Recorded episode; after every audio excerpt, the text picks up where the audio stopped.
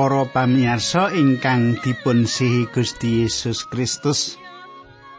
Sugeng pinanggih malih kalian kula Pendeta Pujiyanto wonten ing salebetipun adicara margi utami. Kados pundi pawartos panjenengan kadang kula kawula suwun panjenengan tansah binerkahan dening Gusti lan tansah pinayungan dening Gusti panjenengan kanugrahan bagas waras murah rejeki. Wah, nek murah rezeki aja lali karo aku. gitu.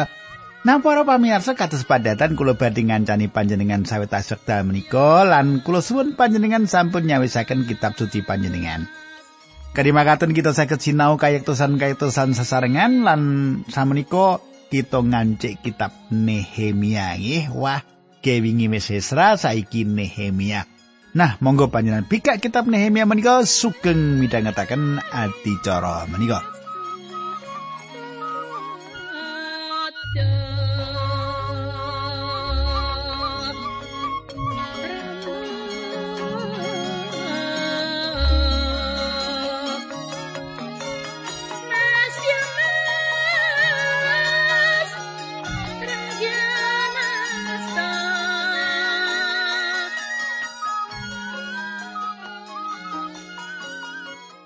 Para pamirsa ingkang kula tresnani, kita sampun paripurna, sampun ngerampungaken pasinaon kita saking kitab Isra. Samenika kita lumebet kitab enggal inggih menika kitab Nehemia. Kita badhe sinau sesarengan kados padatan pasal mboko pasal ayat mboko ayat kita badhe rembak sesarengan lan saderengipun menika monggo kita tumungkul kita ndedonga sesarengan. Duh Kanjeng Rama ingkang dampar wonten kratoning kasuwargan kawula manembah paduka lan boten wonten. Sanes ingkang kawula sembah kajawi namung paduka ing salebetipun Gusti Yesus Kristus. Kawula ndongaaken sedherek kawula ingkang samenika tetunggilan kalian kawula supados sing wanci menika paduka berkahi. Linambaran asmanipun Gusti Yesus Kristus kawula netunggal haleluya amin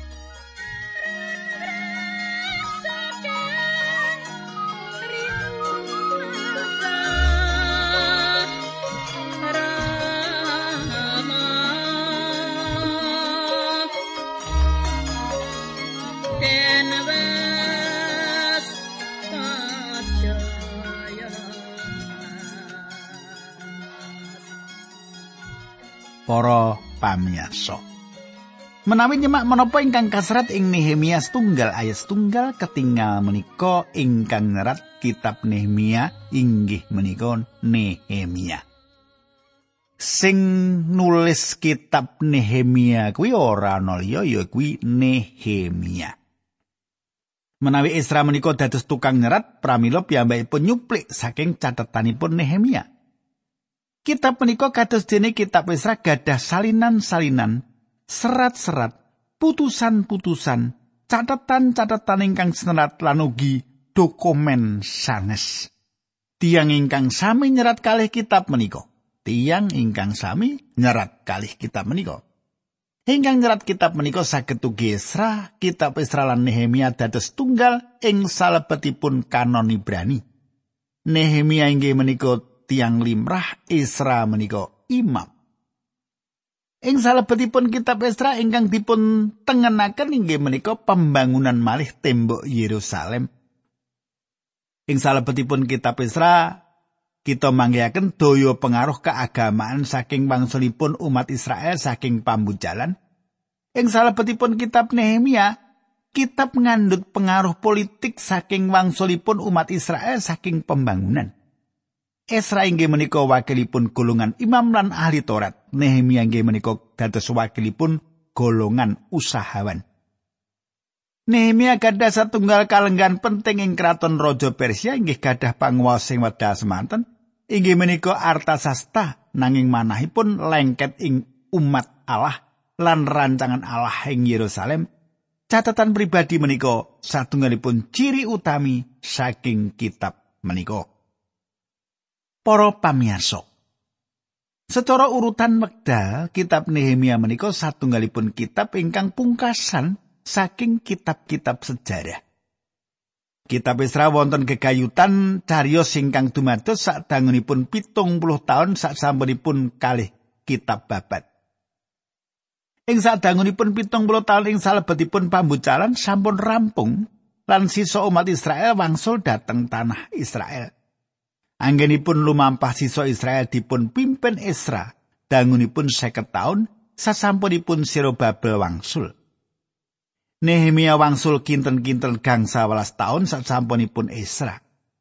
Priyantun kali menika kasebat wonten ing wekdal ingkang cecaketan lan dipun sebataken kangge ngatingalaken tahapan-tahapan ing salebetipun sejarah Israel sasampunipun pambucalan.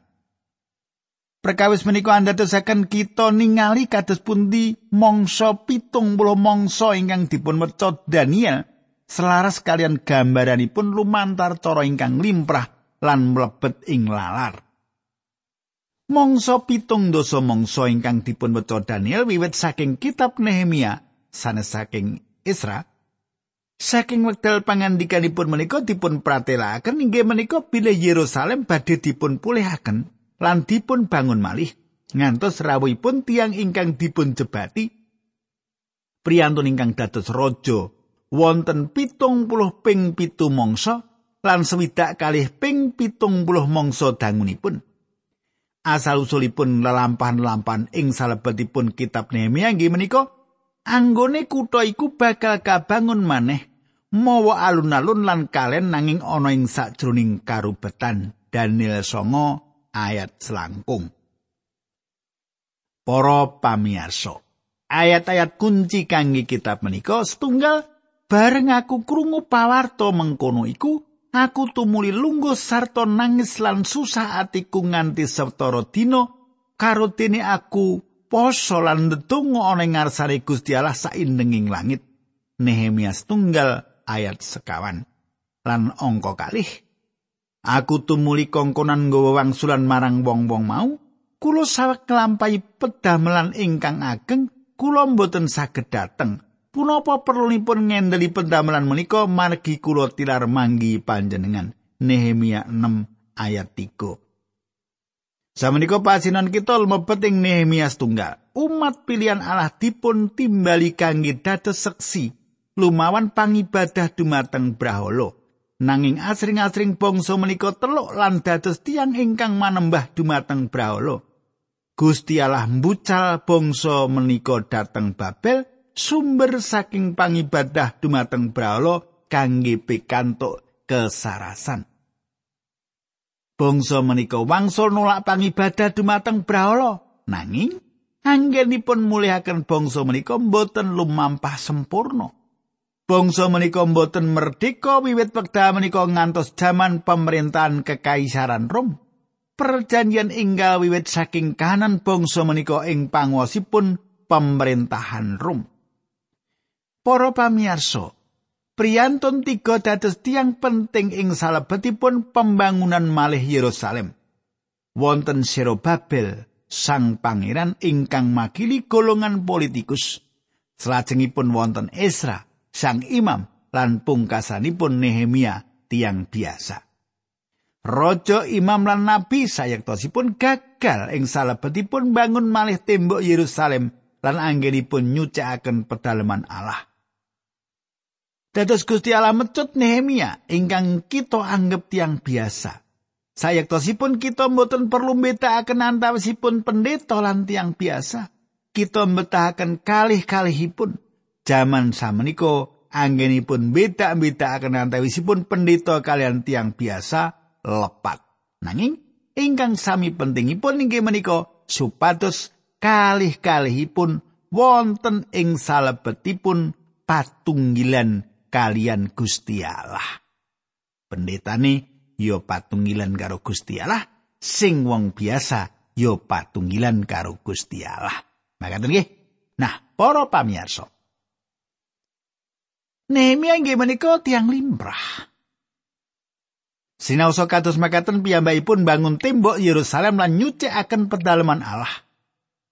Kulo pitados pilih malah ing wekdal menika Gusti Allah saged lan badhe milih tiang limrah kangge nindakaken satunggal pakarian ageng lan mapanaken pakarian kagunganipun ing landesan ingkang kiat. lan kita mbetahaken pembangunan malih jaman samenika. Kulo gadah pengajeng-ajeng Gusti Allah badhe milih tiang-tiang kados Nehemia. Nehemia pitados kegayutan wontenipun pengawasan lan nyambut damel. Nehemia ugi pitados kegayutan bab nyambut damel lan detungo. Ngawasi lan detungo utawi nyambut damel lan detungo dados ciri tiang menika. Nehemia gadah kalenggahan ingkang sae wonten ing pemerintahan Persia. Piyambakipun dados juru inuman raja. Piyambakipun menika tiang ingkang sae mangertos paugeran lan jujur. Nehemia saged kemawon tetep wonten ing Persia nanging menawi kados makaten piyambakipun boten badhe mlebet ing salebetipun seratan Allah. Kita boten badhe nate mireng sariyosipun. Kulo gadah kekajengan panjenengan gatosaken sawetawis perkawis ingkang dados ciri Nehemia sawetawis kita tambah mangertos sinten Nehemia menika. Nehemia inggih menika tiang limprah ingkang setya. Katanggulo. Pitung pasal kawitan saking kitab menika meratelaken gegayutan pembangunan malih pedalaman Allah. sisanipun meratelaken gegayutan kebangunan rohani lan reformasi pasal kawitan kawiwitan donganipun Nehemia. Nah, menika kita mlebet ayat setunggalan kalih bab setunggal Nehemia. Makaten suraosipun. Iki laporane Nehemia bin Hakaya bab pegaweane nalika sasi Kisla taun kaping rong puluh pemerintahan Artasasta raja ing Persia, aku Nehemia ana ing Susan. Nalika semono sedulurku Hanani teka saka Yehuda karo wong sawetara banjur ndak takoni bab kaanane Yerusalem lan wong-wong Yahudi sing wis bali saka pambuangan ing Babel. Para pamirsa ing wekdal Nehemia ngrembak kegayutan tiang-tiang Yahudi ingkang boten ketawan. Nehemia ngrujuk tiang-tiang Yahudi ingkang sampun wangsul ing tanah perjanjian menika. Nehemia saged kemawon wangsul rumiyin dateng tanah menika. Nanging awit saking tetimbangan mligi piyambakipun boten nindakaken menika. Malah kosok wangsulipun piyambakipun nyambut damel. Kulo boten badhe ngritik Nehemia awit Gusti Allah ngginakaken tiang-tiang ingkang kados makaten menika lan Gusti Allah ngagem Nehemia. panjenengan gatosaken pilih tiang menika gadah kalenggan ingkang penting. Ngraosaken prihatos ingkang lebet kegayutan rancangan Allah. Piyambakipun saestu prihatos kalian menapa ingkang dipun penggalih Allah. Ing satunggalipun dinten ing wekdal piyambakipun repot melampah mriko mriki ing kedaton. Piyambakipun ningali salah satunggal sederekipun ingkang nembe wangsul saking Yerusalem. ingkang saged ugi mbeta pawartos ingkang badhe dipun aturaken ing kedaton. Nehemia ngendhekaken lan tanglet. Apa kang dumadi ing tanah perjanjian inggih menika jawaban ingkang dipun tampi. Ayat 3 banjur padha nyritakake kaanane wong-wong sing bali saka pambuangan mau ya kuwi satekane ing tanah kelahirane uripe sengsara merga padha dianggep asor dening bangsa-bangsa manca sing ana ing kiwa tengeni apa maneh tembok-temboke Yerusalem padha jugruk lan lawang-lawangi gapurane durung didandani wiwit nalika diobong dik jaman semono Para pamirsa menika sanes satunggalipun gegambaran ingkang indah.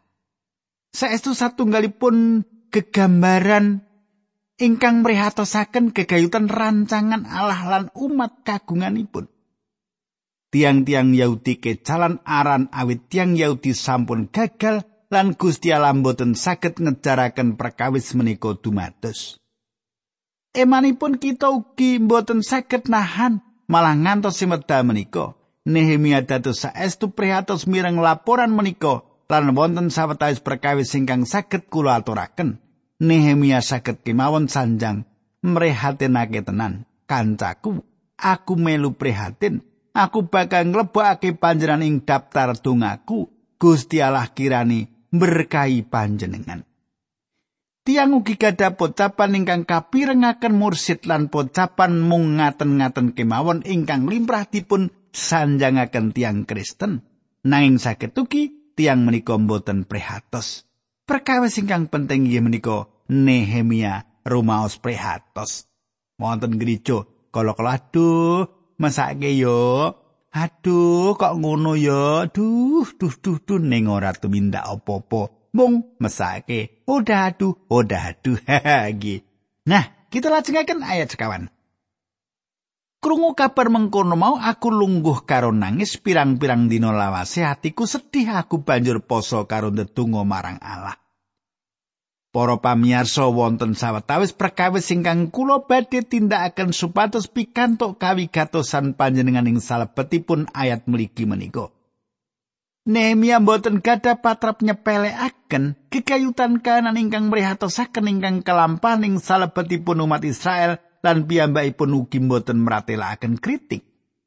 Nehemia saged kemawon sanjang, wong kudune nindakake perkara iki utawa kudune nindakake perkara iki. Nehemia prihatos. Nyemak maling kitab Esra menapa panjenengan tasih emut kegayutan tanggapan dumateng kaanan umat Yahudi? Nehemia menika imam lan piyambakipun ugi rumaos prihatos. Samenika ing mriki kita manggihaken tiang limrah ingkang rumaos prihatos. Jaman samenika kahanan tiang Kristen wonten ing salebetipun beboyo. Kula wonten pitakenan ing batos menapa tiang-tiang ingkang remen kritik lan lelamisan katutut manahipun menika saestu-estu prehatos. Menawi perkawis ingkang panjenengan kritik mboten ngremuk manah panjenengan, panjenengan ndekaken kekatahan gosip lan kekatahan tangis. Panjenengan sanes utusan Allah menawi dawuh ingkang dipun lantaraken mboten dados jalaran panjenengan prehatos. Para pamirsa, sawetawis kula gadah gagasan bilih Esra inggih menika satunggal ingkang langkung sepuh. Kula pitados Nehemia inggih menika tiang ingkang langkung enem. Esra saged ugi tasih alit ing wekdal jaman pambucalan menika kelampahan. Nanging kula gadah pemanggi bilih Nehemia dipun lairaken ing salebetipun pambucalan. kados tiang sanes ugi dipun lairaken wonten ing pambucalan. Inggih menika sebabipun ing wekdal kita sinau kitab Esra, kula mboten ngritik bangsa menika awit anggenipun tetep manggen ing Babel. Sinaosa bangsa menika wonten ing sanjawinipun kersanipun Gusti Allah. Wonten tiang-tiang ingkang saestu saleh ingkang boten wangsul dhateng tanah wutah getihipun. Rasul Paulus ngandikan dumateng kita ing salebetipun Rum kawan ayat sekawan. Kowe iku sapa to? Dene kok njeksani batu ring liyan. Wong iku ngadeg apa tiba lan sakterusipun. Panjenengan dan kula mboten gadah hak njeksani tiang-tiang menika. Kita kedah tansah ngatos-atos ing salebetipun njeksani tiang pitados sing wekdal kita mboten mangertos sedaya perkawisipun. Para pamirsa, wonten tembung kala wau aku lungguh karo nangis Nemia sawek nindakaken kewajibanipun nanging piyambakipun boten saged nyelaki kangge lenggah lan nangis. Panjenengan katasaken bilih piyambakipun pirang-pirang dina lawase atiku sedih. Patra pingkang dipun tindakaken menika awit anggenipun nyengkuyung lan pepinginanipun supados saged mitulungi tiang-tiang menika. Inggih kados makaten menika ingkang dipun tindakaken Esra lan samenika Nehemia ugi nangis lan ndedonga. Sepindah malih kula kedah ndudut manah panjenengan dumateng menapa ingkang kalairaken pangayunanipun Allah jagat raya. Pratela menika saged kita panggihaken ing kitab Esra, Nehemia lan Daniel. Menika satunggalipun pangaken dumateng Gusti Allah ingkang mligi wonten ing salebetipun tiga kitab menika. Sasampunipun dawahipun Yerusalem lan risaipun Yerusalem, Gusti Allah mboten malih saged dipun tepang lumantar pedalaman Allah minangka jejeripun Allah ingkang makuwon ing antawisipun malaikat utawi kerupim. Kaluhuranipun sampun nilaraken pedalaman Allah. Menapa jalaranipun saged dipun panggihaken ing kitab-kitab sasampunipun pambujalan? Panjenenganipun inggih menika Gustinipun jagat raya menika. Panjenenganipun mboten ngetingalaken sariranipun malih ngantos setunggal wekdal ing Bethlehem ing wedal sang malaikat meratelaken kaluhuranipun Allah ing papan ingkang ngaluhur. Para pamirsa, Sang Kristus sampun rawuh ing bumi wujud manungsa. Ing satunggalipun dinten benjang panjenenganipun badhe wangsul. Gusti Yesus Kristus piyambak ngendika, ing nalika iku bakal katon tandane putrane manungsa ana ing langit lan sakabehing bangsa ing salemaing bumi bakal padha ngaduh-aduh banjur padha ndeleng putrane manungsa rawuh nitih meganing langit kalawan ngasta panguwasa lan kamulyan gedhe Matius kawan ayat tigang doso. Kulo mboten mangertos menapa tondo menika nanging kulo nginten kados kamulyan kaluhuran Allah ingkang badhe dateng malih. Nanging ing jaman Nehemia panjenenganipun inggih menika Gusti Allah jagat raya lan Nehemia ing donganipun katujuaken Gusti Allah kanthi cara makaten. Menika satunggalipun donga agung lan badhe wonten satunggal donga ingkang kados makaten malih ing salebetipun pasal songo. Kulo badhe maosaken ayat gangsal Nehemia bab setunggal unjukku. Dosang Yewah Gusti Allahipun saindenging langit. Patuko menika Gusti Allah ingkang Maha Agung sarta gegirisi ingkang ngantepi ing prasetyan saha ing sih kadarmanipun tumrap ing ingkang sami tresnani panjenenganipun sarta netepi ing pepakenipun. Para pamirsa, monggo kita mandek sawetawis sing mriki lan nimbangaken tembung gegirisi. Menika tembung ingkang kathah tiang klintu nampi lan dipun damel sak sekecanipun piyambak. Sayektosipun lan saleresipun para pendeta kedahipun boten dipun sebat referen utawi pendeta ing basa Inggris kan referen. Awit tembung menika ateges gegirisi. Saged ugi kula lepat, saged ugi saperangan saking kita kedahipun dipun westani bendoro menika saestu gegirisi. Saestunipun tembung referen inggih menika satunggal tembung ingkang kedahipun namung kenging dipun terapaken kunjuk Gusti Allah. Tiang sampun meratelaken kados makaten. Sebut aku bendoro, sebut aku kanca, sawijining kang kepenak dirungu ing kuping, nanging aja kok kebai aku kanthi kanepson, aja sebut aku pendeta. Sawijining pengarang kang ora dikenal ngandhakake referen satunggalipun sebatan ingkang dipun ginakaken ing jaman kepengker ing wekdal tiang-tiang menika dipun ajeni ing salebetipun masyarakat. Mesti kemawon perkawis pajeng malih Saestunipun perkawis menika ugi mboten leres pajeng wontenipun gereja wekdal menika. Wonten tiang-tiang ingkang meratilaken gerejanipun benten. Nanging kata-kata gereja wonten ingkang namung kelompok alit ingkang budidaya kangge nyalipaken pendetanipun. Nanging para pamiyasa ing jaman kepengker ing wekdal pendeta dipun sebat reveren menika satunggalipun pikurmatan sinaosa menika salah alamat satunggalipun abdi Gusti sanjang. Jaman samenika kula meh tangsa saged mangertos tiyang ingkang dereng wilujeng saking cara piyambakipun nyebat nami kula. Mataun-taun kepengker ing wekdal pakulinan kula kisah ing papan penatu, pemuda ingkang nyambut damel ing penatu menika nyeluk kula referen. Makaten sanjangipun Pak Pendito kala mau wiwit kula mlebet ing tokonipun ngantos kula medal nem-neman menika ngginakaken tembung menika paling sekedhik ping kalih dosa. Pemuda menika saestu etu ngobra, pemuda menika dereng wilujeng, pemuda menika mboten gadah kawigatosan ing menapa ingkang kula sanjangaken ing wekdal kula nyukani paseksen dumateng piyambakipun nanging pemuda menika remen ginakaken nami kula referen. Menika sanjangipun Pak Pendito, Gusti Allah. Inggih menika Gusti Allah ingkang gegirisi. Panjenenganipun ingkang nindakaken dados jalan gegirisi nanging panjenenganipun ingkang ngandadosaken gegirisi nanging panjenenganipun ugi Gusti Allah ingkang netepi perjanjian lan kagungan sih kadarman dumateng sinten kemawon ingkang tresnani panjenenganipun lan nindakaken dawuh-dawuhipun. Panjenenganipun menika Gusti Allah ingkang ngadili nanging panjenenganipun ugi Gusti Allah ingkang kebak sih kadarman. Kita lajengaken ayat 6 Mung paduka kersa mirsani kawula lan miyarsakaken pandonga ingkang kawula aturaken ing ngarsa paduka rinten lan dalu.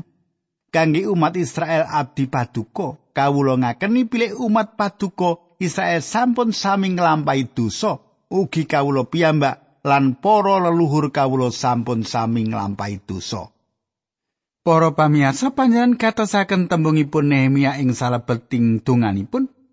Menapa piyambakipun sanjang kula sowan kangge ngakeni dosa-dosa ingkang sampun dipun tindakaken tiang-tiang menika? Mboten. Piyambakipun ngakeni dosa-dosa ingkang kula sami tiang Israel sampun tindakaken dumateng paduka. Kaping pinten kita mireng pengaken dosa kados menika ing gereja kita? Ing salebetipun tunganipun Nehemia damel satunggal pengaken kegagalan tiang Yahudi inggih menika wit dosa. Nehemia sanjang ugi kula lan kaum keluarga kula sampun damel dosa. Tiang menika sanes ahli Taurat ingkang namung beneraken badanipun piyambak kemawon. Para pamirsa kula sigek semanten rumiyin kita lajengaken ing dinten candhaipun monggo kita tumungkul kita ndedonga. Duh Kanjeng Rama ing swarga kawula ngaturaken gunging panuwun Kawula sampun ngandharaken kayatosan-kayatosan saking pangandikan Paduka kawula sinau saking Nehemia. Kawula nyuwun supados menapa ingkang kula andharaken dados berkah sedherek kawula menika linambaran asmanipun Gusti Yesus kawula ndedonga. Haleluya. Amin